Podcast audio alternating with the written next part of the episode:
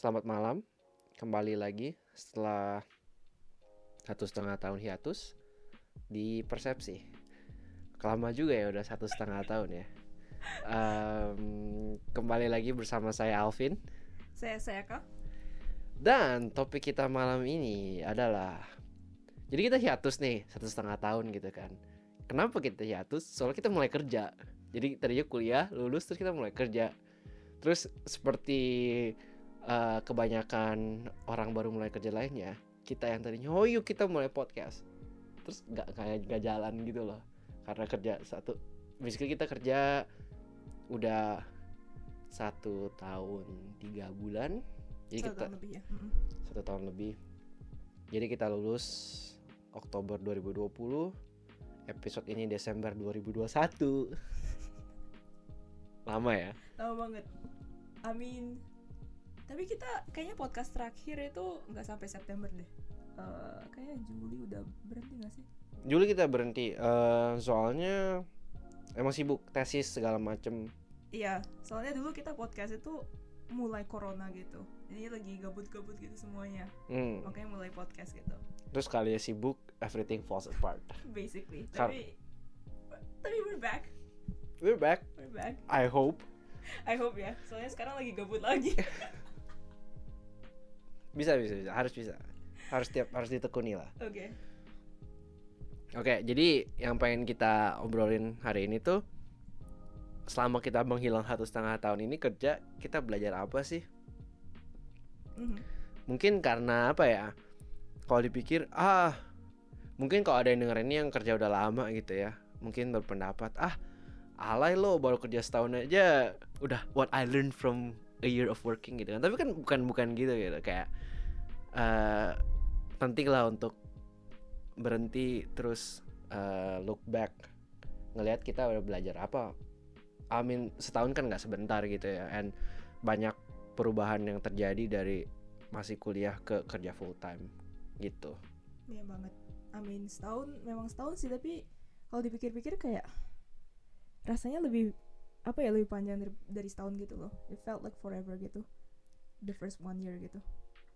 Rasanya lama banget ba- basically. And sekarang kan kayak masih ya baru setahun sih tapi ya it's kind of like a fresh perspective gitu. Mungkin karena buat gue sih karena bukan cuma nyari kerjanya, eh bukan cuma kerjanya juga, karena dalam waktu setahun itu ada cari kerja yang pertama kali gitu loh, pertama kali pindah kerja.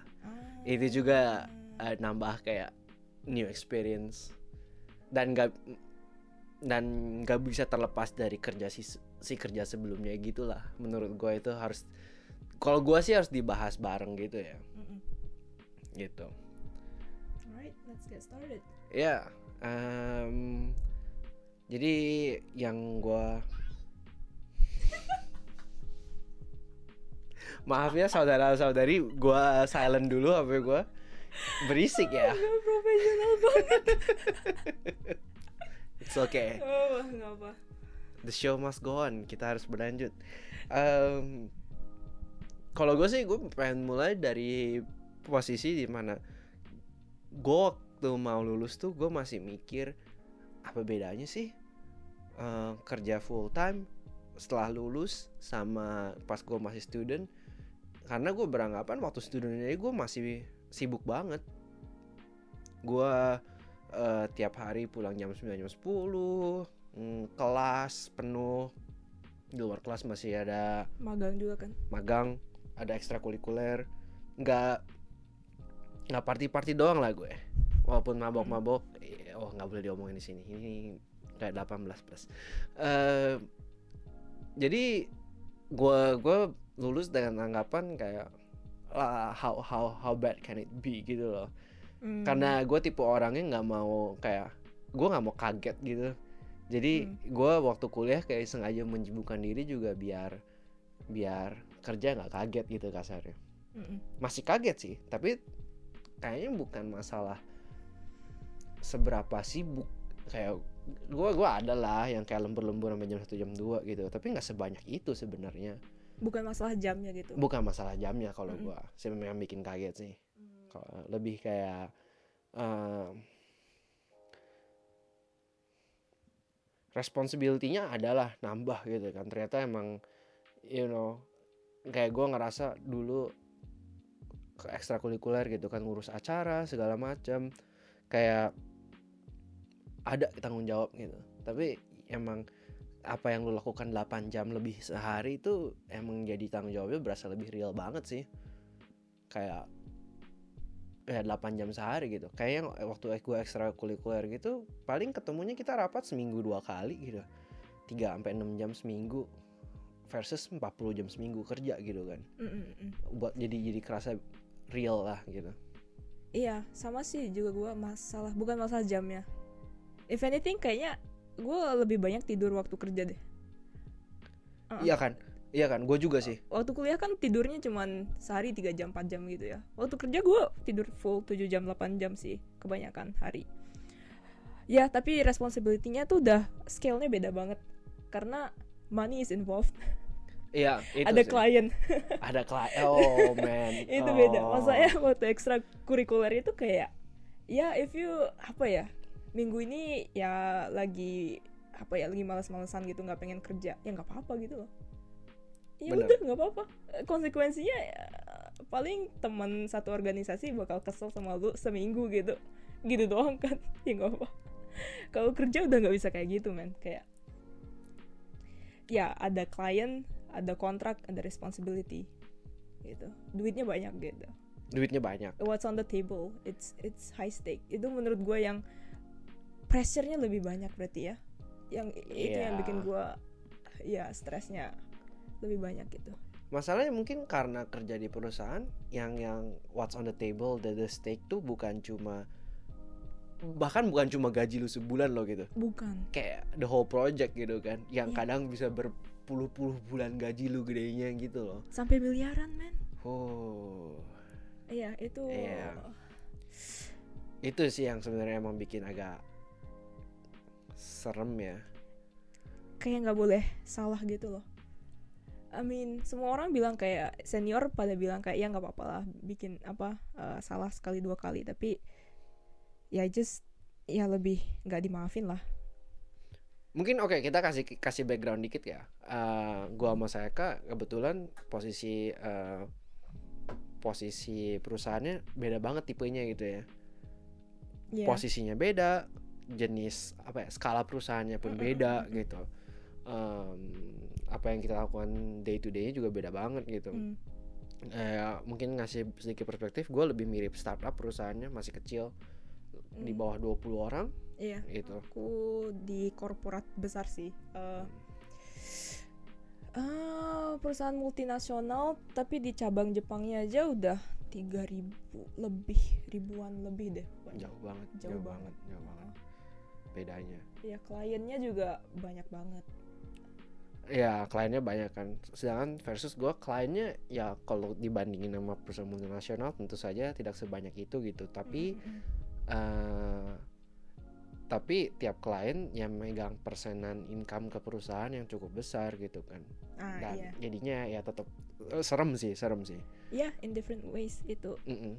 Iya sama-sama serem. Hmm. Oke, jadi ya yang pertama gua uh, shock sih, emang pressure-nya beda gitu. Yes. Terus yang kedua, em, lu apa? Ada apa? boleh gua tambahin nggak ya pressure beda? Boleh. yang tentang duit itu ya just like one ya kind of small example sih itu gue pernah apa ya misalnya gue salah gitu ya. Jadinya gue itu kayak technical support gitu posisinya. Em, ada klien terus ada trouble gitu ya. Terus gue mau perbaikin gitu tapi waktu perbaikin itu I made a mistake gitu. Terus ya kan langsung jadi trouble gitu kan. Terus gue buka kliennya terus lihat eh, apa namanya how much the deal is itu sampai miliaran gitu kan. Terus gue langsung kayak sakit perut gitu. That's a different kind of pressure. Kayak the the thought of like ini kalau ada apa-apa ini salah gua itu bisa costing perusahaan gua miliaran gitu. Nggak bisa tidur men. Gak bisa tidur ya bener nggak ya. bisa tidur. Bener sih pasti sih pasti sih. Dikejar-kejar sama klien setiap hari. Gue kayak dan kliennya tuh kan banyak banget ya soalnya perusahaan aku gede kan. Jadinya uh, banyak kliennya juga kliennya tuh banyak yang dari perusahaan besar dari dari perusahaan kecil ada tapi banyak kan perusahaan besar gitu kan. Dan makin besar perusahaannya makin banyak dealnya. Dan makin banyak dealnya makin banyak pressure-nya gitu. Ya jadinya itu aja sih. Ya what's what's on the table aja. The the high stakes. Itu doang sih. Tapi emang menariknya kalau gue balik tadi mention lu secara apa ya kalau orang nyebutnya sekarang work life balance gitu ya. Tidur lebih Mm-mm. banyak. Free time lu lebih banyak nggak? Ya, I think so. Free time, ya lebih banyak lebih lebih banyak. banyak sih ya lebih banyak. Eh, jadi ya memang apa ya eh, menarik sih. Di di luar itu ada beda lagi nggak ya pressure sebenarnya yang paling kerasa sih pressure di Mm. situnya sih dan oke oke of course kayak hmm, apa ya karena background kuliah gua yang ngacel ke sana sini gitu Iya, kan iya. belajarnya Kita berdua sih sama jurusannya. Mm, Liberal arts, by the way. Iya, eh, liberal sekali pilihannya gitu ya. Eh, jadi gue emang ngerasain yang yang ini ini plus poin lah. Eh gue ngerasain bisa fokus 8 jam lebih sehari melakukan sesuatu gitu. Ada buahnya emang belajarnya jadi cepet banget gitu. Kayak well maybe karena startup juga gitu kan. Ya. Kalau lu nggak bisa nggak ada yang nge-cover gitu loh Ah, iya iya iya iya. jadinya dituntut bisa dan ya emang jadi belajarnya cepet banget sih well given lu menggunakan waktu lu dengan bijak kali ya Mm, mm. Ah, tapi ya di situ gue baru ngerasa kayak kenapa em, mungkin kenapa orang-orang nggak ngelihat orang eh, pengalaman-pengalaman sebelum bekerja ya karena emang oh mulai kerja time investment ke si eh, karirnya sendiri oh it's a different level sih. Jadi kalau lu emang efektif ya emang eh, bakal kerasa banget. Even though nggak semua orang efektif kali ya gitu. Hmm ya itu sih eh, menarik sih Hmm, Oke, kalau dari aku apalagi ya? Eh nyadar kayak apa ya? Aku cocoknya di posisi yang kayak gimana? Style kerja yang gimana? eh ya daripada jadi waktu aku waktu aku kuliah itu aku pengen banget client facing roles. Jadinya yang kayak sales yang kayak presentasi depan klien itu itu aku kira aku cocok itu. Nah baru masuk perusahaan uh aku kaget banget kayak nggak cocok sebenarnya kayak gitu. Aku lebih seneng kayak di back end role bukan back end in terms of like programming tapi back end kayak not client facing dia nggak kayak sales nggak kayak consultants tapi ya di back end yang kayak internal roles gitu loh. Jadinya seneng banget lebih cocok em, kerja bareng sama tim daripada individual list. Mungkin ini ya kayak dulu mikirnya kita kalau back and roll nggak ada kontak so- sama manusia lain gitu ya? Ya and di di Jepang itu back end role eh di di mana mana sih mungkin ya? Mana-mana sih harusnya. Iya client facing role itu lebih atas daripada back end role gitu loh internal roles gitu ya mungkin karena emang kalau kalau dengar apa ya dulu dosen marketing suka ngomong Indian sales yang bawa duit ke perusahaan iya gitu iya kan. iya. Ya well memang gitu. Jadi mereka ya bukan lebih di atas ya gaji lebih gede of course of course of ya course lah kita kita bisa ngertiin itulah gitu kan. Dan nggak tahu ini di Jepang aja atau gimana tapi there's this stigma kayak semuanya eh, kalau lu pertama kali kerja itu harus coba client facing role dulu gitu. Jadinya masuknya harus dari sales dulu. Semua every everyone has to go through sales. Um, baru udah pengalaman ada ada pengalaman sales atau consulting atau client facing role baru pindah ke backend gitu. Mungkin yang um, lebih ke strategi gitu-gitu ya. Yeah I think there's that stigma there's that pressure? Itu Jepang aja sih kayaknya. Jepang aja kayaknya ya mungkin ya. kayaknya lebih ya. tapi juga eh, ada plus minus lah itu. Oh, ada plus minus dan ya intinya kayak aku iya aku dulu pengen banget ya jadi sales gitu. Presentasi presentasi I thought I was good at it. Em, dan nyobain jadinya posisi aku di selama eh, setahun kemarin ini bukan client facing sih. Eh, client facing gak sih? Klien lah client facing facing lah. ya jadinya Iya. komunikasi sama klien dan individualis gitu loh. Nggak enak banget sih nggak cocok banget. Gue juga mikir dulu gue bakal lebih cocok ke posisi client facing. Kenapa? Soalnya mungkin sama lah kita social skillnya nggak jelek gitu kan ya mikirnya Iya, social iya, skill nggak iya, jelek iya. jadi lebih cocok uh, client facing role dong karena you want to use that skill right Iya, gitu iya. udah susah-susah belajar social Social skill skills, soft ya. skill gitu Yep. tapi yang oke yang yang untuk gue belajar gue role gue itu kan uh, IT kan um, software development nggak ada tuh namanya ketemu klien gue belum pernah ketemu klien also karena gue nggak dikasih uh, karena klien gue semuanya all in Japanese Mm, mm, my mm, mm. Japanese eh gitu Mm-mm. jadi nggak dikasih hmm, nggak dikasih dikasih sih dikasih sih gue pernah ke tempat klien gitu tapi darurat aja Mm-mm. gitu darurat nah tapi yang gue sadar mau lu back and roll pun social skill tuh penting soalnya lu kerja di tim Iya. jadi orang-orang yang mikir oh gue mau back and roll aja karena gue nggak usah berinteraksi sama orang lain juga salah Nggak. besar sih enggak enggak sih enggak sih Iya. social skills pasti pasti penting di mana mana backend internal roles sama client facing roles sama-sama penting Ya, so malah kalau gue gue di IT gitu ya, dan gue kayak em, mikirnya sempat sempat kayak masuk IT kayak waduh, gue dulu eh IT kan punya punya apa stereotype lu lu kerja sendiri coding krak krak, Iya, hacker iya, man iya. gitu kan. Aku masih ada image kayak gitu loh buat IT people uh, developer people. Depends banget sih. Ah. cuma eh dari experience gue orang yang nggak bisa kerja sama tuh paling nyebelin. Ya kayak ya lu ya kasarnya mah kayak lu beli beli beli lemari IKEA deh terus itu Oke. dikasih manualnya kan Uh-uh. tapi lu suruh tigaan eh, bikin barengan gitu Iya. kalau ada satu yang pengen kerja sendiri aja nggak jalan iya gitu nggak bisa lu harus kerja sama gitu kan Mm-mm. gitulah kasarnya jadi eh, komunikasi dan kerjasama scheduling segala macam jadi jadi vital banget sih Hmm. Eh, ya I see I see I see. Hmm. ya so gue belum terlalu ngerasain itu sih kerja di tim. Soalnya again kerjaan kemarin itu individualis um, banget. Jadinya nggak nggak kerja sebagai tim aku handle semuanya sendiri gitu. Uh gua nggak kebayang sih kalau tuh suruh handle.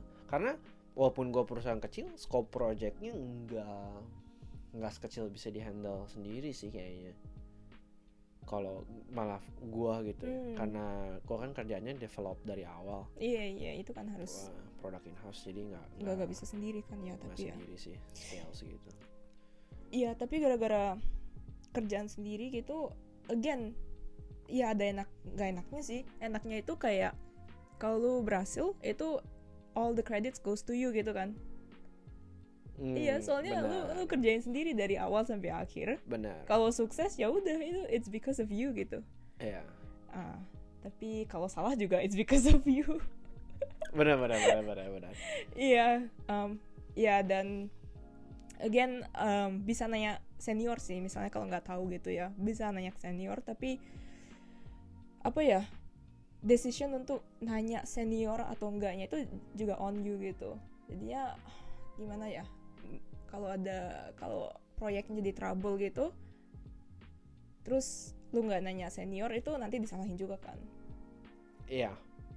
Gue sendiri disalahin kenapa nggak nanya gitu? So eh, um, ya it's it's all on you. Ya itu enak nggak enaknya. Itu sih ya the balance of kapan lu nanya senior, kapan lu berusaha sendiri sih ya. nah itu susah banget. It was a lot harder than I thought. Iya, I have to agree sih. Iya, soalnya nggak, iya kayak banyak banget nggak tahu nggak tahu apa apa apalagi anak baru gitu kan tahun pertama. We don't know anything gitu kan, tapi kayak kalau nanya terus nggak enak gitu. Oh, you know when it's like uh, the meme senior kayak oh kalau don't don't hesitate to ask us anything. tapi Meme yang mana? Iya ada pokoknya meme gitu. Kayak you know if you don't hesitate just reach out. We're available anytime all the time. Terus kalau tapi lu kalau kebanyakan nanya gitu they get annoyed. Ah, right. right. yeah I think it's a meme. I don't know if, yeah I think it's a meme. Ya tapi kayak ah, takut kayak gitu juga sih. Karena ya we don't ya apa ya? Aku banyak banget nggak tahu apalagi pertama-pertama gitu ya. Wah kan soalnya aku masuk itu nggak nggak berpengalaman gitu kan. Jadinya apa-apa dari zero. Ya dan oh aku jadinya kayak gini. Eh, aku kayak belajar untuk bikin teman sama senior. Jadi aku mungkin punya 10 senior yang aku dekat biar stok seniorku nggak habis-habis Ya bisa nanya ya. biar bisa nanya terus Luar biasa. gue kayak sampai keep list gitu loh hari ini udah nanya sama senior ini besok sama senior ini That's a that's a that's a good idea. ya That's a very very good idea. iya ya maksudnya ya perusahaan aku kan lumayan besar jadi ya em, yang di posisi sama itu lumayan banyak sih seniornya iya sekitar ada 30-40 orang ya ya udah aku kayak throw away my pride gitu ya udah nggak usah malu-malu Beda banget ya. iya ada banyak orang buat ditanyain itu Ah. enaknya perusahaan besar Gue cuma satu. Soalnya saya kan kenal senior gue yang ini. Senior gue cuma satu. kasihan Terus jadi kayak eh awal one point kayak sekitar enam bulan pertama gue emang banyak nanya gitu kan. iya iya Tapi yang yang harus gue pastikan kualitas pertanyaan gue harus naik gitu kan. Yang tadinya pertanyaan anak bawang, oh that's that's good that's yang good. yang tadinya pertanyaan gue tanya A dijawab A gitu kan. Iya. Sampai udah enam bulan jadi gue tanya A dia harus mikir gitu. Ah, lebih naik lah udah pas dia mau keluar gue tanya ah jadi diskusi bareng gitu oke Hmm. lah jadi kayak ah, gue gue sih kayak harus kayak gitulah harus Iya, harus naik level lah pertanyaan iya ya nggak boleh kayak apalagi udah eh, kemarin udah nanya hal yang sama gitu, nanya lagi gitu loh. Ya, itu senior will get annoyed. oh ya ya kalau gue senior juga gue bakal annoyed kan. iya tentu saja gitu kan Iya, soalnya gue dari mikir deh dari sisi perspektif senior gitu. Mereka aja udah sibuk gitu loh. They're busy with their own stuff and they have more responsibility karena mereka senior, job grade-nya lebih tinggi gitu. Mhm. Dan on top of that harus ngurusin anak-anak kecil ini. Wah, sedihnya tuh kayak dalam setahun gue sudah merasakan posisi itu gitu ya. aduh cepet dia jadi senior. cepet ya. banget jadi senior ya gue again startup gitu Startup, kan ya. Iya. kayak wow ini kayak tadi tiba-tiba lu ngomong gitu gue kayak flashback gitu uh banyak banget oh kita lanjut kita lanjut Eh, biar ke cover ya sampai situ mungkin Iya. nanti Apa nih lagi? Jadi tadi satu ekspektasinya beda terus yang kedua eh, it's not about the the time spent gitu kan but the pressure Iya. yang ketiga eh jadi tahu apa yang kita pengen gitu kan Iya. terus eh tadi kita bahas yang soal mm, bertanya berarti basically belajar di dalam role-nya gitu ya kayak gimana gitu kan Belajar navigasi. Hmm, Heeh, dalam perusahaan. Karena ya perusahaan ada banyak orang gitu loh. Nggak nggak lu sendiri gitu. Jadi ya. Nah ini mungkin yang di berikutnya yang gue menarik nih. Karena gue harus belajar kan Tadinya gue nggak usah navigasi sama sekali. Oh I see I see I see. Iya so. Dan hmm, ya, bedanya lu lu jadinya Alvin dulu waktu lu udah pernah magang di perusahaan itu kan?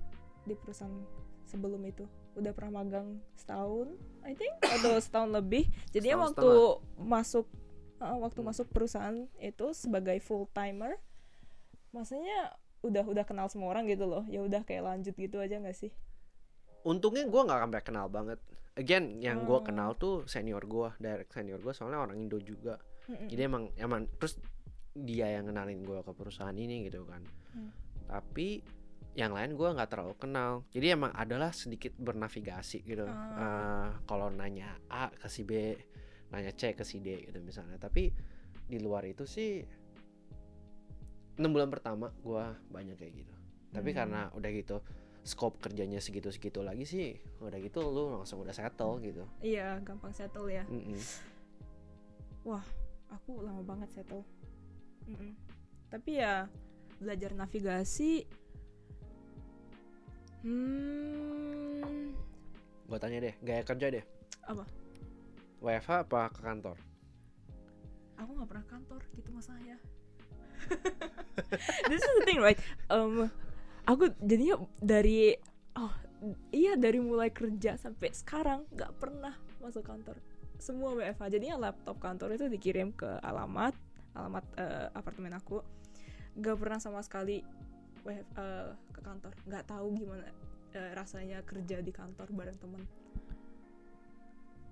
so the, the, the thing is kayak jadinya semua se- aku tanya senior senior yang udah pernah keduanya pernah WFH pernah kerja di kantor mereka kayak bilang ya WFH dong tapi pengen sekali sekali kantor lah gitu. Right right, right. Iya kalau kamu tanya aku nggak nggak tahu.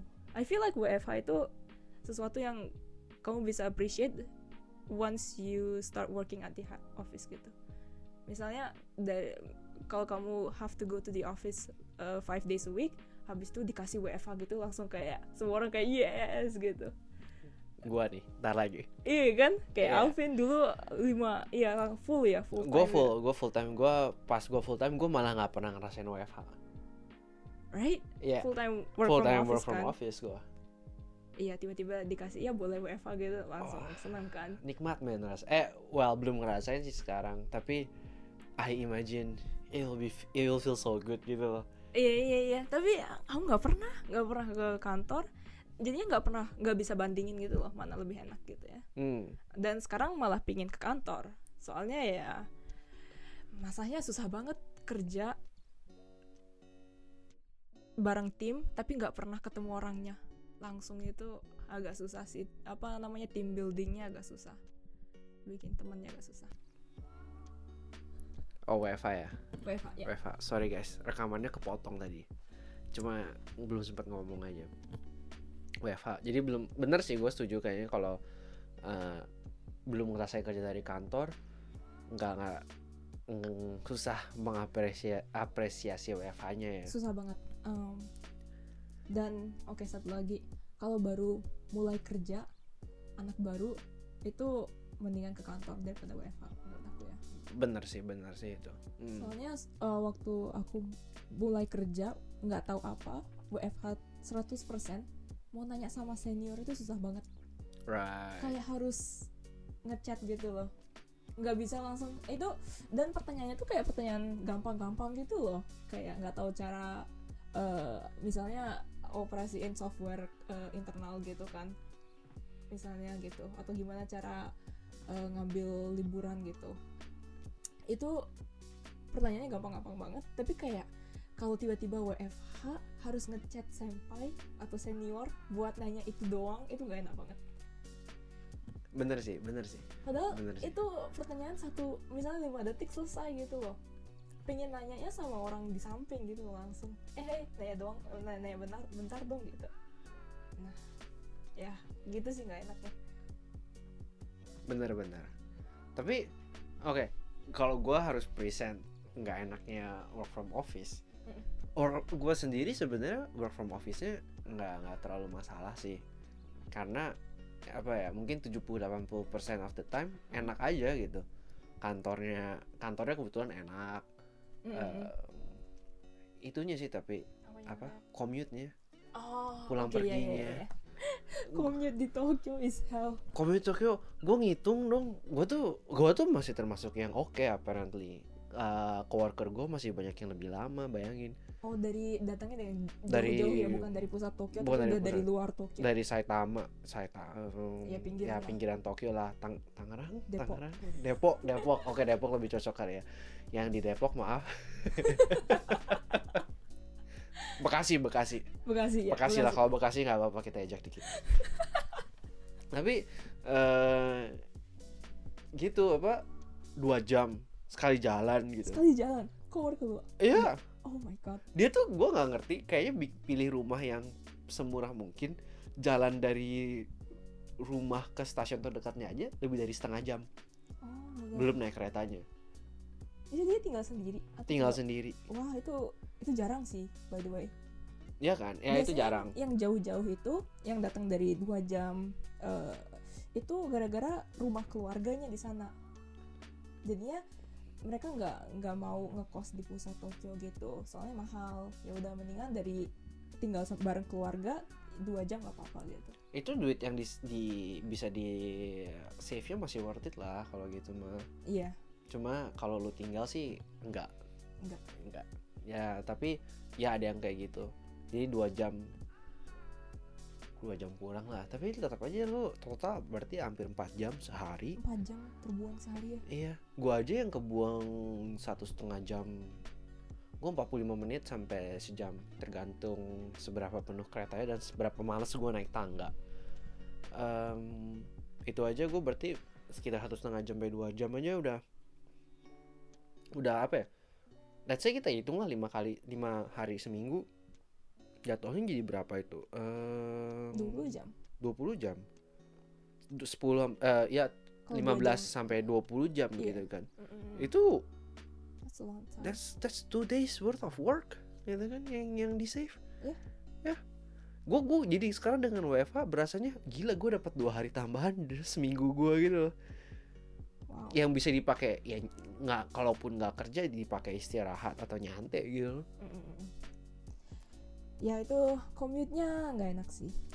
Ya soalnya di Tokyo memang mahal banget sih eh, apartemennya. Iya. kalau di pusat Tokyo jadinya kayak kita berdua kantornya di beneran di pusat Tokyonya tapi ngekosnya harus eh, 40 menit dengan kereta gitu ya. Kalau nggak nggak nggak mungkin ngekos di pusat pusat Tokyo banget di di office apanya Terus yang yang kok nggak bukan cuma itu deh kayaknya. Masalahnya tuh Tokyo tuh pindahannya juga mahal.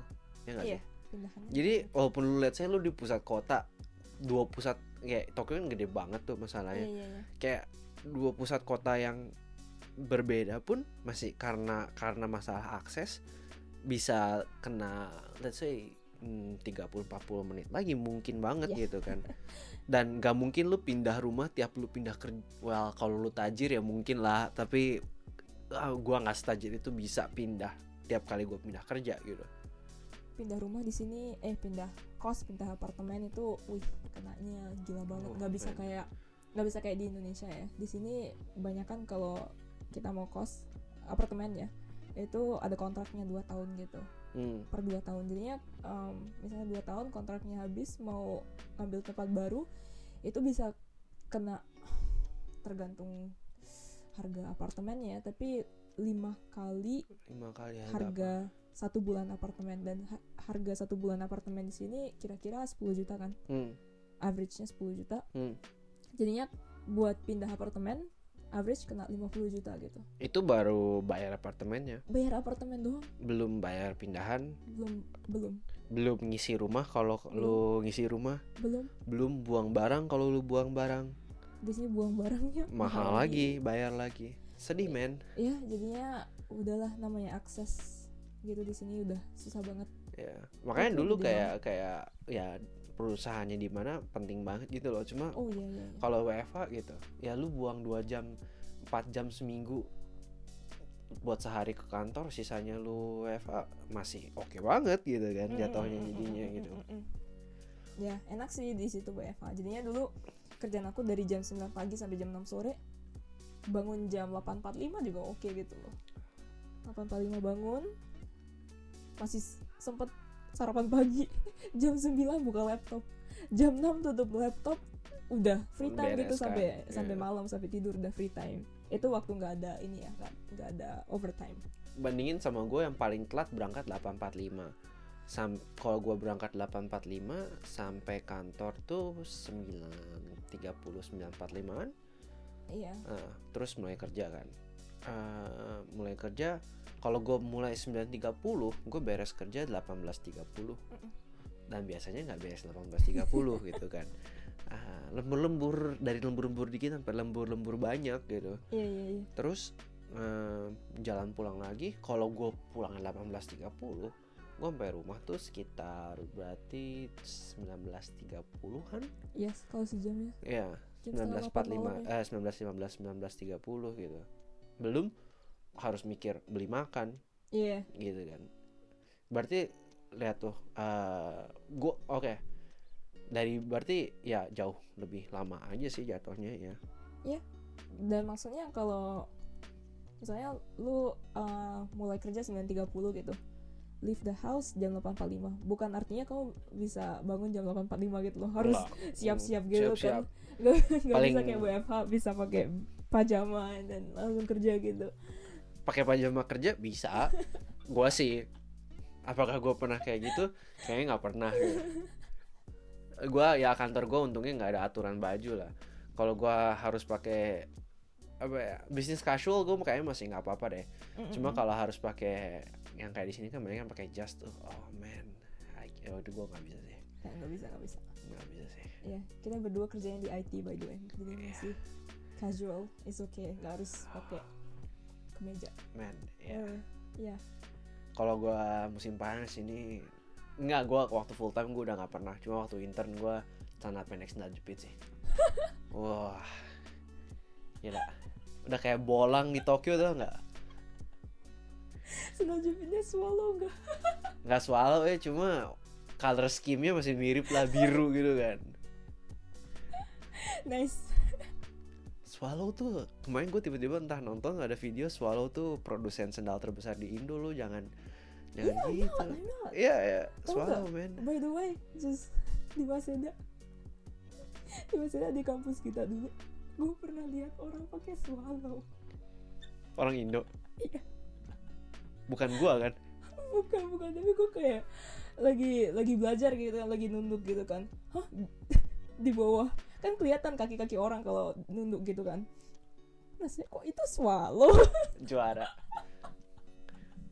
udah itu sebuah penanda pasti orang Indo itu kalau Indo Swallow lah. gitu ya pakai swallow. Wah. But anyways ya. ya baju lah ya oke berarti WFA Nah, ya. Ya ada. Ya, I think both WFH WFO ada plus minusnya. ada ya tetap buat gue paling sebenarnya minus paling gue tuh flexibility sih tetap sih. Kayak uh, let's be very honest lah. Orang yang WF work from home WFH WFH yang WFH tuh kayak lu banyak alokasi waktu yang ya udah lu nggak ngapain dulu nggak kerja dulu terus nanti beres kerja lu tambahin jamnya gitu kan. Oh ya tergantung posisi lu kayak gimana. Oh ya of course of course of Soalnya course. waktu kemarin eh, posisiku nggak bisa kayak gitu soalnya client facing. Jadinya nggak bisa milih jam berapa lu pengen kerja gitu loh. client facing man Dari jam 9 sampai jam 6 itu harus online. Karena klien can contact anytime gitu. Betul, betul, Nggak bisa betul. kayak oh jam jam 3 sampai jam 4 gue pengen tidur siang sejam deh nanti gue tambahin jam 8 malam gitu. nggak bisa. Alright. Oke, gue diem deh, gue diem deh. Bener-bener itu bener banget sih. Gue oke.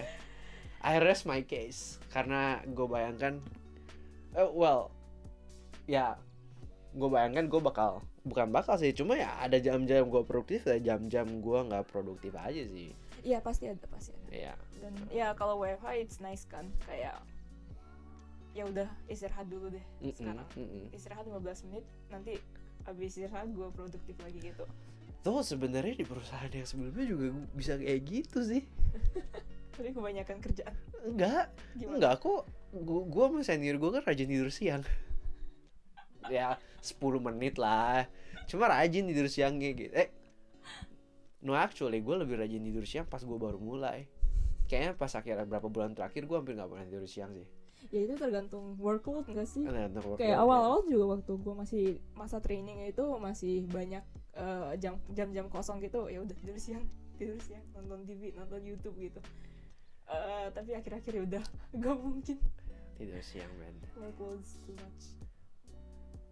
Also buat anak-anak kecil yang dengerin ini ya tidur siang nikmatin tidur siang loh enak banget tidur siang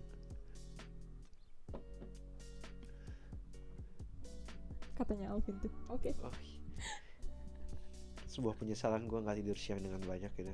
Oke, but eh apa lagi ya yang yang gue pelajarin? Oh, gue pengen nambahin sih yang tadi gue belum bahas yang role kerja. Kan lu ternyata sukanya eh, oh iya client iya facing iya. kan. iya enggak non client facing. Gue juga mungkin nggak suka ya gue kerja gue suka kerja sama orang tapi nggak usah client facing client facing eh, serem lah gitu. Maybe it's because it's Japan. It's not our country. Itu juga sih. Eh, bu- budayanya beda banget gitu. Maksudnya kalau gue kayak di Indo atau pakai bahasa Inggris nggak harus pakai bahasa Jepang. I think I want to do client facing. Kayak masih oke lah. Ya tapi di Jepang soalnya man. Kalau klien full Japanese gitu kayak serem gitu. Oh, oh, ya serem banget sih. serem kan? Oh, serem ya gue aja nggak pernah kalau langsung gemeter gitu. Tapi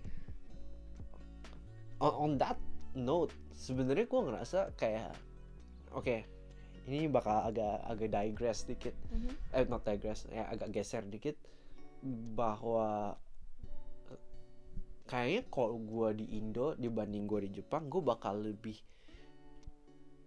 banyak melakukan hal-hal risky kalau gue di Indo oh ya kayak kayak I, I take so many safe options gitu selama gue di Jepang di Jepang iya kita berdua sih ya Hmm. semuanya sih yang di Jepang harus safe options soalnya vi- visa aja tuh very fragile gitu rasanya Very gak sih kita nggak permanent resident di sini. Iya. Kayak one wrong move, kayak we do something illegal, deportasi. deportasi ya, ya, ya, I mean, ya, ya, bener sih itu, itu, itu gara-gara status kita di negara ini sih, nggak bisa kayak di Indo. ya. iya Beda So, aja sih rasanya. beda sih pasti sih Em, bukan sebenarnya bukan cuma apa ya satu visa dua eh, perihal of course kita sekarang udah kerja we pay for everything on our own Mm-mm. so there's that juga gitu kan Mm. kayak that oh man kalau lu nggak menghasilkan duit you're dead. Kayak ya literally siapa yang mau bayarin lu lagi gitu kan? Iya, iya, iya, beneran, beneran. ya Eh, itu sih kayak nggak nggak nggak nggak bisa serampangan. Gue ngerasa wah kalau ya kemarin pulang ke Indo kayak tiba-tiba gue kayak lebih berani pengen ABCD Oh, despite the risk gitu loh Gue yakin kalau gue kerja di Indonesia, nggak kerja di Jepang, beda banget posisinya, beda banget perusahaannya. iya Pasti. pasti pasti Iya, Iya. sekarang gue fight beneran kayak what's the safest option for me? Dan menurut ya gue pikir itu kayak oke harus masuk corporate besar lah, perusahaan besar. Kalau startup gimana ya agak risky gitu. Iya, bener sih. Tapi kalau di Indonesia kan kayak gak harus worry about those things gitu. Terus ada keluarga juga di Indonesia. Worst case scenario bangkrut ya udah. Pulang back, pulang. iya Sorry papa mama. Can I stay here for a month gitu? Tuh, tuh, oke kalau kita di sini bangkrut juga ya pulang gitu kan. Tapi permasalahannya oke i- lu pulang dan lu nggak bisa balik lagi ke sini iya gitu bisa kan. balik, lagi ke sini Itu aja bener sih. sih dan Iya. bener banget sih Em, dan kita di sini pelajar 4 tahun Eh, tapi beda banget kerja di sini sebagai foreigner dan belajar di sini sebagai foreigner gitu.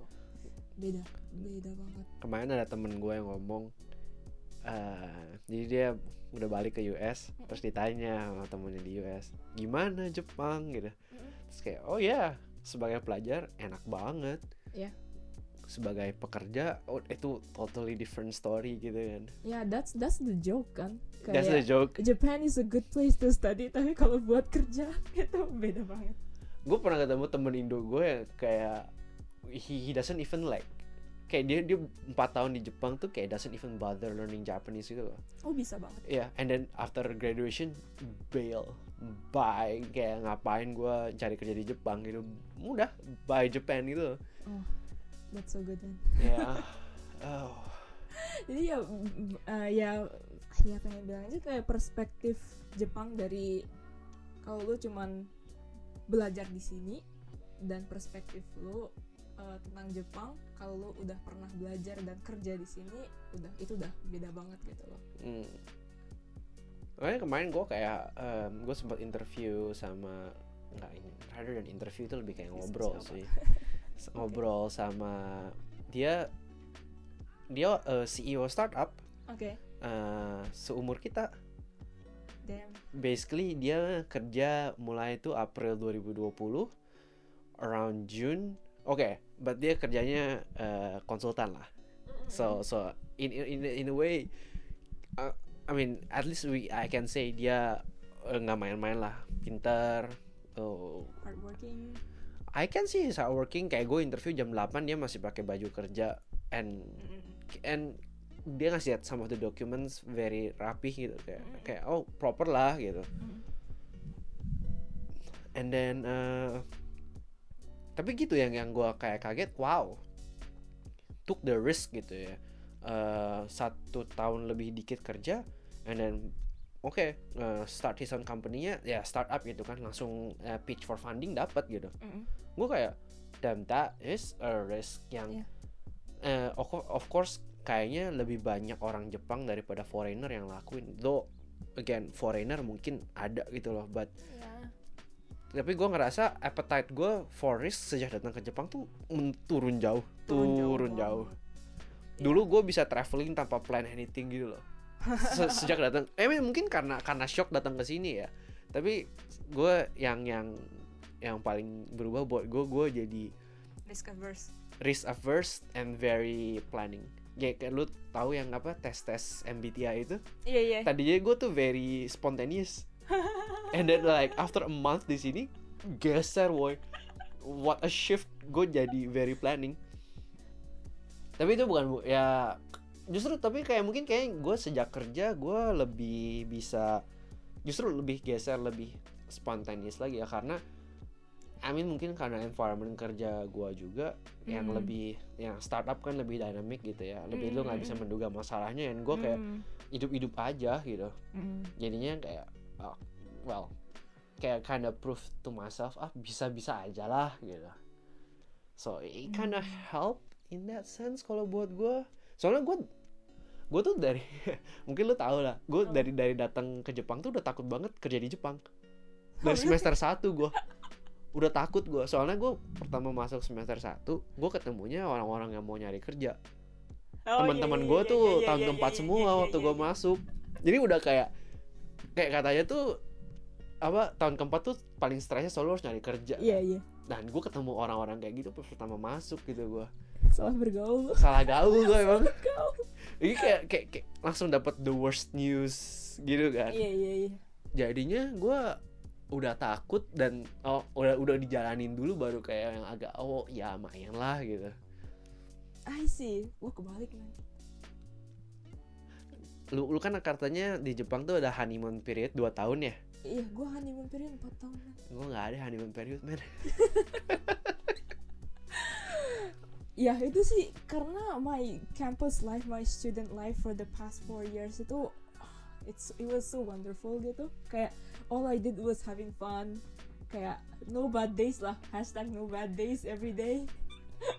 Kayak kuliah lancar organisasi lancar sama environment cocok gitu loh. Mau ke organisasi A ke B semuanya gue kayak cocok-cocok aja. So gue kayak ya udah kerja pasti di Jepang lagi lah gitu. Right right. Dan nah gini dan gue masuk kerja dan dari hari pertama gue masuk kerja 1 Oktober 2020 langsung kena shock. Baru shock ya lo ya? Baru shock gitu kayak oh wait ini ini kenapa environmentnya beda banget gitu? Hmm. ya jadinya environment ternyata baru aku nyadar sekarang environment waktu kuliah eh, jadinya orang-orang eh, di sekitar aku waktu kuliah sama orang-orang di sekitar aku waktu kerja itu beda banget. Kayak jauh Iya, banget. jauh banget. Makanya itu nggak pernah ya nggak nggak nggak cocok gitu dari hari pertama di tempat kerja kemarin tapi gue bisa ngomong gue juga beda beda banget sih. Kayak Hmm. oh ya uh, even though gue perusahaan kecil cuma 20 orang gitu kayak ya emang sebenarnya sebelum gue lulus gue tahu uh, tempat kuliah kita tuh it's it's a bubble lah Iya itu bubble beneran bubble karena ya Waseda gitu kan Hmm. dia masih the university with the most foreigner the most exchange student in Japan. Iya. gitu kan. Kayak masih masih internasional banget. Ya salah satunya gitu ya. Internasional banget. Terus- dan apalagi kampus kita jurusan kita. Jurusan kita kampus kita uh, oh man. Uh, this is this is just like an intermezzo. Mm. kayak kampus kita kan uh, kalau kita ngomong political leaningnya very liberal kan ya. Oh ya very. Coworker gue ada yang pendukung Trump men Oh, Woi, asik banget itu ngobrol kayak kayak oh spot one in the, in, in the wild gitu loh pendukung Trump ya but ya tapi di luar itu pas emang beda banget sih kerasa uh, ya we- I mean yang gua nggak nyadar tuh I think how seberapa banyak itu berbeda gitu loh. Gua tahu beda tapi gua nggak nyangka sebeda itu kayaknya. Mm. Iya, kadang-kadang gue juga waktu di tempat kerja kemarin eh, ngobrol-ngobrol sama coworkers, the things they say itu kayak kalau lu ngomong itu di kampus kita dikeroyok lu. Oh ya. Oh, bo- ya ada beberapa bener-bener bener. Iya kayak, I mean, ya kadang-kadang di di Jepang itu kan apa ya namanya gender kesetaraan gender itu masih terbelakang gitu, so people can say anything they want about women, kadang-kadang ngomongnya. Dibanding Indo loh ya, Indo masih lebih mending Itu kayaknya. masih lebih mending ya. Iya. di Jepang like nah dan iya gue kayak wow orang-orang masih ada yang berani ngomong gini gitu ya dia beneran beda banget culture-nya gitu dan Hmm. itu menurut gue ayah shock banget sih waktu itu ya lingkungan kerja penting sih ya. Penting banget sih. Kalau kalau bukan karena lingkungan kerja mungkin gua nggak akan keluar sih. Kalau gua karena ya well eh, mungkin itu dibahas di lain waktu lah kenapa kita berhenti kerja kali ya. iya Ya, Iya. nggak nggak melebar dulu lah. Oh. Cuma ya kita belum mention tapi kita udah berhenti kerja mm, Eh, jadinya gue berhenti kerja set eh, Oktober kemarin jadi pas satu tahun Eh, dan si Alvin juga berhenti kerja pas tahun ya Oktober kemarin juga ya eh Ah, eh, November eh, gua. November ya. November. iya iya jadinya kita udah udah nggak kerja di sana lagi Udah nggak kerja di sana lagi. thank God nggak boleh boleh oke ntar cut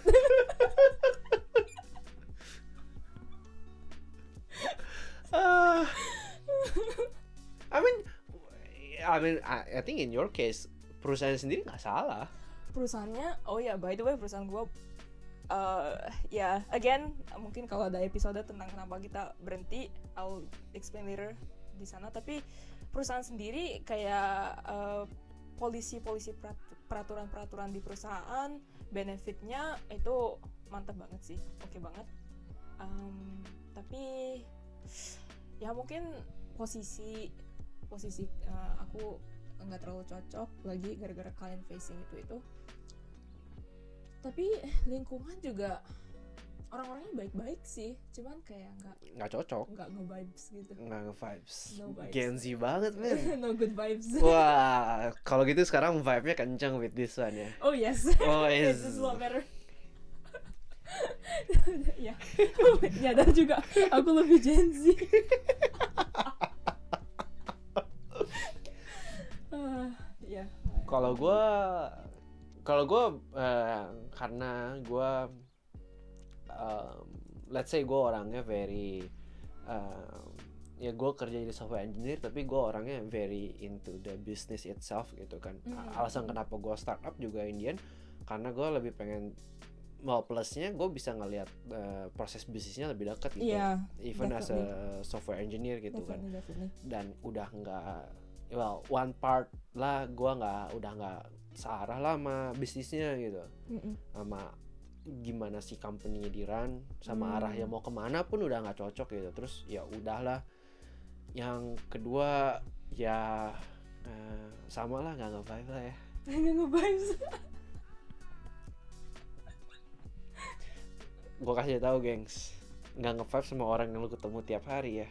Tidak sehat untuk kesehatan. Iya soalnya kerjaan beneran kayak makanya kadang kadang gue ngeliat lu gue kayak oh ada beberapa kerjaan yang bisa dia kerjain sendiri. Sebenarnya gue mending kayak gitu daripada full teamwork. Kayak ah, gue mending agak agak detach. Ah. kecuali lu emang apa ya klop banget. Oh iya iya ya iya. so hmm, ya. Susah aja sih di situ. Ya yang gue banyak belajar sih oh oke. Ini satu yang buat gue banyak belajar tapi gue nggak tahu apply di kerjaan mana aja. Mm-mm. Tapi banyak banget gue ketemu beberapa orang yang nggak mau baca. Maksudnya nggak mau baca? Kayak oke as a software engineer lah ini mungkin ini very niche as in like only apply for software engineer or any apa any problem solving role mungkin ya. Hmm. tapi nggak mau baca. Jadi say kita ketemu error. Mm-mm. keluar tulisan. Terus em, lu nggak tahu lu nanya senior gitu. Padahal lu bisa pecahin dulu dengan baca itu keluar tulisan apa oke ini gue kesel. Ini ini udah keluar itu ya apa? Kesel ya. Tapi tapi seriusan seriusan. Karena gue juga banyak belajar dari baca gitu loh. Iya kayak, iya kayak iya. baca dulu gitu. Hmm. jangan jangan asal lu teriak ah gue nggak tahu gitu. Iya. kayak baca. Please. Tolong. Mulai ngeren nih. Mulai ngeren mulai ngeren Eh, tapi kayak nggak tahu ya karena mungkin IT tapi gua ngerasa kerjaan yang gua lakukan itu 80-90% tuh bisa lu beresin dengan literally googling gitu loh. Oh iya. Kayak googling kumpulin informasi eh, and then apa riset lah gitu basically kerjaan lu gitu. Jadi yang gue belajar ya ya yang gue paling banyak belajar karena satu dan lain hal senior gue keluar jadi gue harus belajar self sustaining gue harus Hmm. bisa semua sendiri karena nggak 80-90% of the time gue nggak bisa nanya orang lain gitu ada poin waktu itu sama gue kasian banget sih Nggak, oke, ralat gue yang ditanya. Udah bukan nggak bisa nanya orang lain, gue yang ditanya gitu. And uh, kayak apa ya? Kayak no no, I don't I don't wish this upon anyone. Like, capek Oke. loh, capek, capek. So ya, ya itu dari hal itu gue nggak ada komplain sih nggak bisa komplain ke tempat kerja kemarin soalnya everyone there is smarter than me. Nggak pernah aku ngerasa kayak ih baca dulu dong gitu. Atau ini kena orang kenapa nggak kayak gini sih? Gitu. Nggak pernah ngerasa aku lebih pinter daripada my coworkers. Selalu aku yang paling nggak bisa gitu. Hmm, everyone there is so smart. Obviously kayak mereka di sana ya udah perusahaan besar lah. Kayak udah di sana udah mungkin udah tiga tahun lima tahun beneran spesialis gitu. Ya dan kadang-kadang aku kayak wow ya tiap hari sih kayak wow pinter banget sih semuanya gitu so I think that's a, that's a good thing about maybe uh, perusahaan besar I guess so ya ya. Mm-mm. Tapi mungkin di posisi itu gue kayak oh ngajar orang juga nggak gampang. hmm, Kayak kalau oke lah ngasih tahu orang mah gampang. ngajarin ngasih tahu ngajarin orang biar nanti orangnya nggak usah nanya lagi juga I think it's it's a skill gitu loh kayak kapan lu kapan lu jawab pertanyaan mereka kapan lu nggak jawab? Kapan lu nyuruh mereka cari sendiri? Kapan Hmm. kapan lu ngasih clue yang cukup buat mereka bisa pecahin sendiri dan belajar gitu? Iya iya iya. Dan I think gue su gua suka sih ngajar. Dari dari itu ya. Ngajarnya sendiri gue nggak masalah. Cuma ketika ngajar terus di layer eh, waktu yang terbatas buat beresin proyek. Nah itu itu di situ jumpalitannya sih. Jadi kesel gitu ya? Eh, hmm, kalau di situ sebenarnya bukan kesel. Kalau kesel ya I think kayak tadi di mention nanya hal-hal yang sama berkali-kali Ah, iya, iya, gitu iya, kan. iya. salah satunya. Tapi yang itu nggak kesel cuma kayak lu nggak bisa ngajar jadinya. Lu cuma Hmm. bisa ngasih tahu. Oh. karena there's no time gitu kan. Oke oke oke oke. Iya. Maksudnya kayak langsung ngasih tahu jawabannya gitu. Iya, Oh ya sering um, senior gue kayak gitu kayak mereka udah kepepet, udah jamnya udah kepepet banget harus Right. reply sekarang mereka langsung ini jawabannya banyak. nih. iya Iya iya ntar kalau mereka baik gitu ntar gue ajarin gitu caranya. Tapi ini lu sekarang harus reply kan ya udah ini reply jawabannya. Ntar gue ajarin gitu. yes Yep. Iya. Itu sih. Eh, Oh, I have another realization. Um, ah, gue nyadar gue itu lebih senang belajar daripada dibandingin teman-teman ya. dibanding teman-teman lu di tempat kerja lu yang sebelumnya. Yes, di tempat kerja sebelumnya. Jadi eh, dalam satu batch ada puluhan orang gitu. Soalnya ya again perusahaan besar eh, pakai batch-batch gitu. Gue bang pengen banget ke S2 Hmm. dan di kampus Hmm. teman-teman di kampus semua mikirin S2 gitu loh. At Right. least uh, mungkin kerja dulu tapi uh, langsung S2. Tapi eh, you know in the future they're like oh ya pengen sih emang S2 pengen balik ke sekolah lagi. Dan jadinya gue ngerasa gue dari environment itu ke S2 itu normal gitu loh. Hmm. I mean everyone will do that wants to do that gitu. Hmm. Dan gue ternyata uh, di tempat kerja yang kemarin gak ada yang pengen mau S2 Nggak pengennya kenapa tuh? Mereka pengennya eh mereka bilangnya ya aku nggak ngerti ya mereka bilangnya kayak ya nggak pengen belajar lagi ngapain ngapain belajar lagi? Kayak oh empat tahunnya satu aja udah sufferingnya panjang banget ngapain pengen ngapain lu pengen masuk sekolah lu bayar lu harus bayar. S2 mahal kan? Bayar bayar mahal terus dua tahun of suffering lagi gitu. Dan habis S2 eh, kerjaan lu juga nggak terjamin kan? Karir lu nggak terjamin bakal bisa lebih bagus gitu kan? Kenapa gitu? Terus gue kayak oh ada pandangan kayak gitu ya? Tapi itu I I would I mean Iya ya kayak ba- lebih banyak yang kayak gitu kayaknya. Itu I think itu nggak cuma di perusahaan lu doang sih. lebih banyak kayak gitu ya? Just generally. Oke lah, Mami kalau kita layer yang pertama gak mau belajar lagi, gue gue di situ I'm still with you gitu kan. ya Gak mau, gue masih mau belajar lagi. iya gitu. iya Kayak ah, oke, uh, I can agree gue juga suka belajar. And now we realize it's more than the average person gitu kan. yes Tapi emang emang oke, tapi kalau mereka also consider uh, let's say belum tentu kerjaannya uh, uang deh, uang sekolah deh. Mm. Itu emang emang mahal banget kan. Memang mahal, Gitu. Let's we, everyone has to agree S2 nggak murah gitu. Iya. Tambah lagi eh, nggak ada kepastian karir. Oh, oke. Jadi lebih Iya, wobbly gitu sama kan. S2 Iya. nggak dapet duit kan Nggak dapat duit gitu. nggak digaji Gua gua kalau ya kalau di posisi S2 kayak gue belum tahu mau belajar apa gitu. Hmm, Jadi gue cuma bakal ngambil S2 kalau gua tahu gue mau belajar apa hmm. dan S2 bisa kayak further that goal aja gitu. Hmm. Ya again S2 pengen sih, tapi I don't think it's for everyone aja gitu. ya tapi I don't think it's me Uh, but ya, but I get what you're trying to say sih kayak that want buat belajar lagi kan. bukan bukan S2 aja sih Iya. misalnya ngambil certifications atau Hmm. habis kerja belajar sendiri misalnya gitu kayaknya teman-teman gue kayak nggak nggak terlalu pengen gitu. Gue yang dicap kayak ini anak senang belajar gitu. Soalnya gue kayak jadinya kan banyak lecture gitu kan. Terus diajarin tentang IT itu diajarin tentang programming. Gue seneng banget nih waktu itu. Kayak oh belajar lagi gitu. Kayak disuruh baca ini oke let's go kayak baca I mean just just earning new knowledge gitu. Menurut gue senang gitu kan. Eh, it's enjoyable. Tapi teman-teman gue kayak please mau mau cepet-cepet ini dong selesai training mau mau mulai kerja gitu udah udah nggak mau belajar lagi gitu dan ke depannya kayak mereka juga kayak nggak nggak nggak pengen lagi belajar lagi nggak pengen training lagi gitu Tapi lucu sih kayak gua gua sempat waktu itu dikirim training dua hari gitu kan. Mm-mm. Kayak cuma training dua hari terus ada uh, coworker gue yang bikin kayak komen kayak ah apalah lu dikirim uh, ke seminar nggak ada gunanya gitu gitu kan. Hmm. Well, I mean, gue juga gak tahu gue bakal belajar apa sebelum gue pergi gitu Iya, kan. iya, Terus iya. gue pergi. Jadi em, di Jepang tuh ada namanya kenshu ya, kayak Iya, iya. semua anak yang baru lulus biasanya diikutin gitu.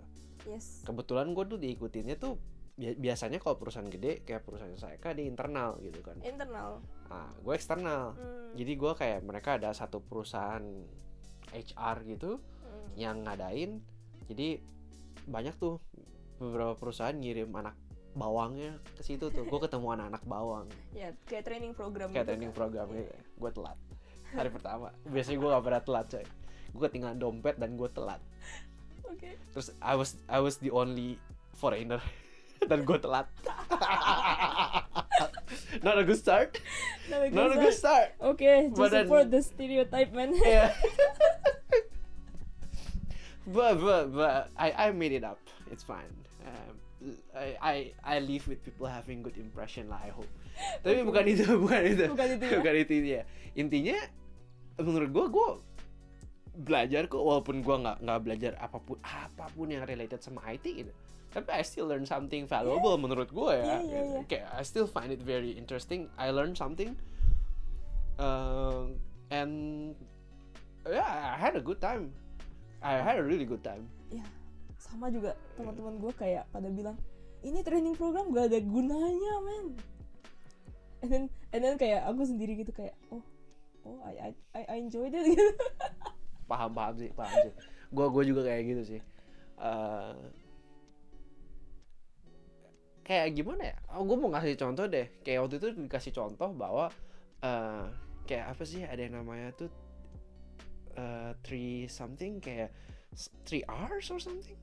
Uh, I forgot but like tuh three S. Apa nih? Apa Sodan? Nggak nggak sorry. Sodan Hokoku apa sih? Oh Horenso. Horenzo Horenzo so so so so, so. Hokoku Sodan I think. Ya ya ya ya. ya.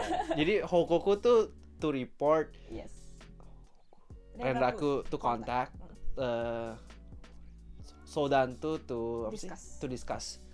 Kata gue itu bagus banget and everyone should fucking do it. everyone should fucking do it. Karena gue kalau lu lihat orang yang bisa beneran ngelakuin itu properly sama yang nggak bisa tuh komunikasinya jauh lebih efektif yang bisa ya.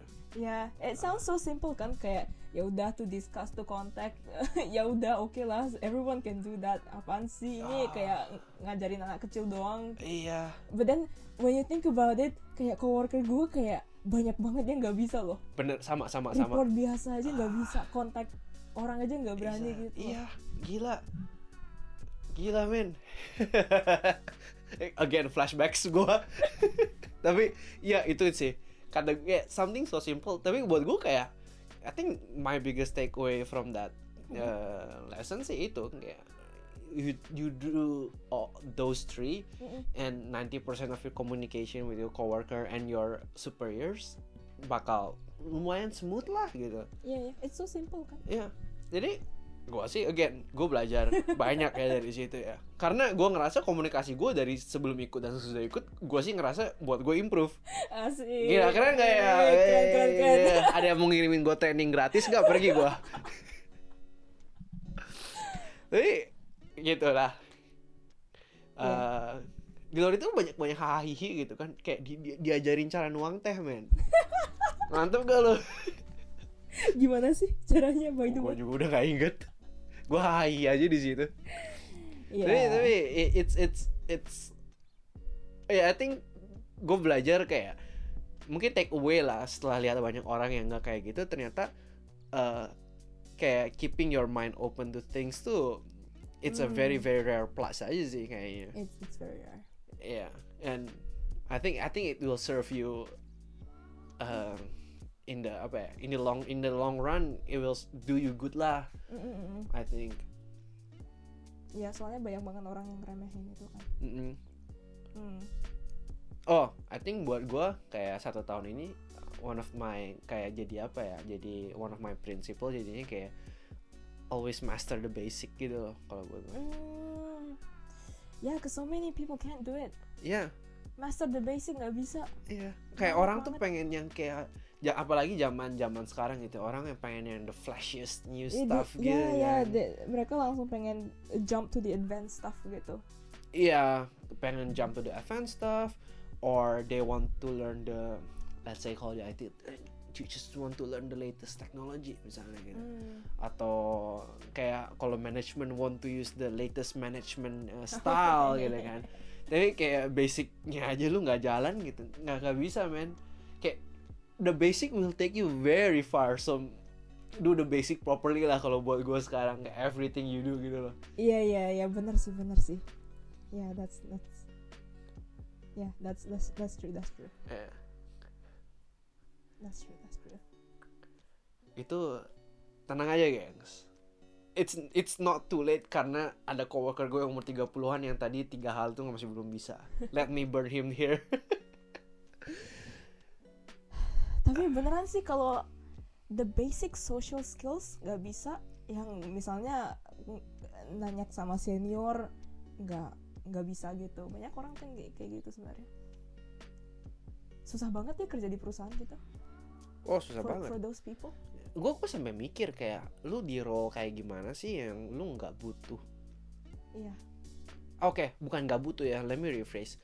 Kalau lu punya those social skills, hampir hampir di role mana pun tuh jalan lu bakal dimudahkan gitu loh. Hmm, yeah, basically all roles. All sih? roles gitu. Iya, iya, iya. Dan kalau lu nggak punya skill itu, you'll not only you who will suffer, tapi orang-orang di sekitar lu juga bakal suffer. Menurut gua ya. Iya.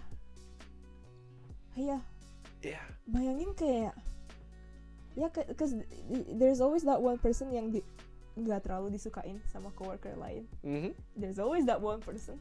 Always that one person. Iya kan? Ini tuh kak kayak kasihan banget kayak Eh, one part kayak kalau gua bisa lagi detach dan gak lagi ada masalah, gua kasihan sama orang kayak gitu.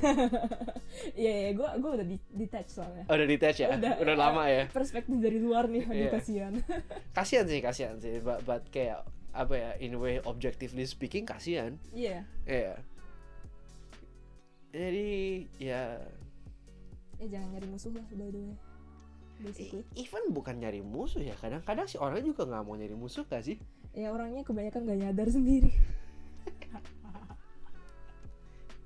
Ya, kadang gue sampai mikir kayak kayak dulu di diomongin gitu kan selama SMA SMP kayak social skill soft skill yang penting gitu Mm. kayak uh, mungkin maybe kayak apa ya gue cukup blessed di mana SMA di SMA orang-orang social skillnya sampai jelek banget mungkin enggak gitu loh Hmm. At- least my friends kuliah oh ya I guess yang uh, dulu gue sama saya kan uh, ekstrakurikulernya bareng tuh Hmm. I just realized kayak oh it really is working with a, a great people around tuh setelah gue kerja dan ngerasain oh turun ya gitu kalau gue levelnya gitu loh Wait, maksudnya maksudnya social kayak kualitas eh, eh, dari social skills eh, seberapa bener lu kerja seberapa seberapa banyak orangnya bisa diandalkan gitu loh gue turun wow. Maksudnya eh, waktu di kuliah di organisasi kita orang-orangnya lebih oke daripada orang-orang di perusahaan.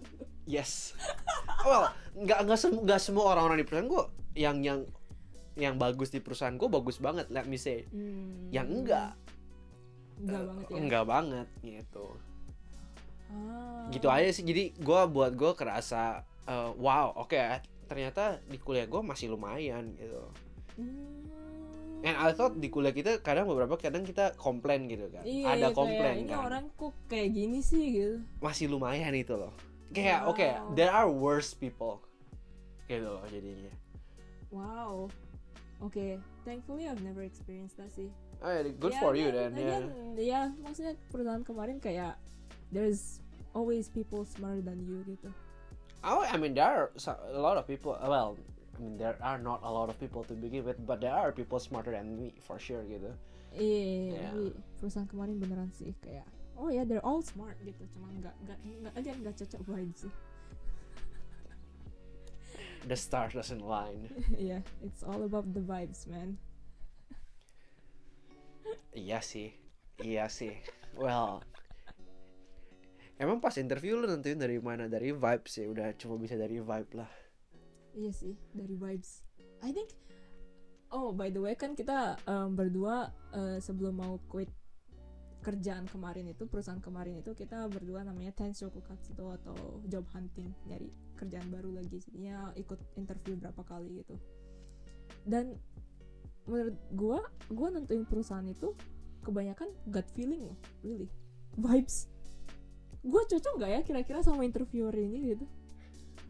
Gua sih cuma satu yang lewat soalnya. But but oh, in, in all honesty, gue Iya. juga lewat yang gue vibe-nya paling cocok sih. Iya kan? Ya sama Iya. gue juga lewat cuma satu gitu loh. Iya. Cuman iya.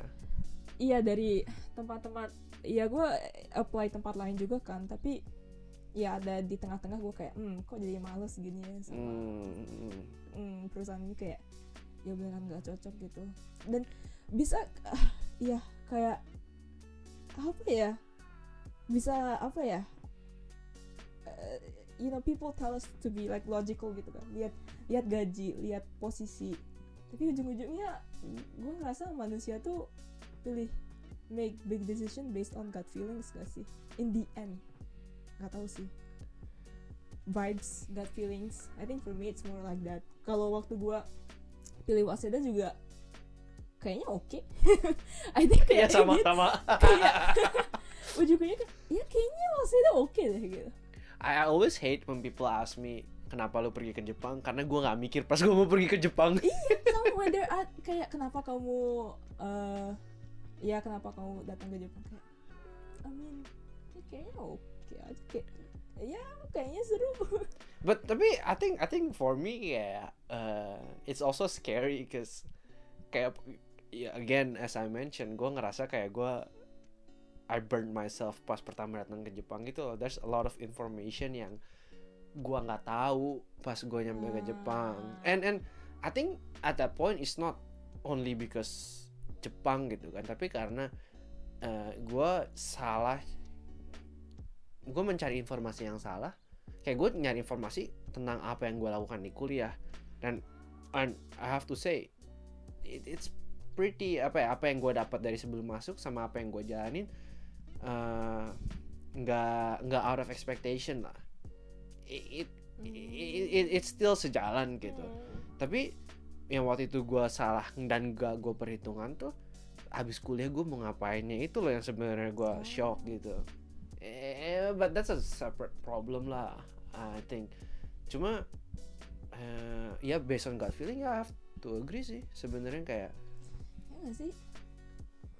Kayak I mean of, of course jangan I, I would apa ya suggest jangan ya there's like some list yang udah harus at least cek kalau bisa checklist lah ya nggak sih harus gitu. lah to certain degree. Yeah but then yeah if you got feeling say so ya ya I think I just realized that. Enggak ini menurut gue sendiri aja sih ya. Mm, gue sendiri aja kayak hmm, ternyata gue lebih banyak rely on my intuition gut feeling gitu. Not mm, not like rational. Rasional hmm.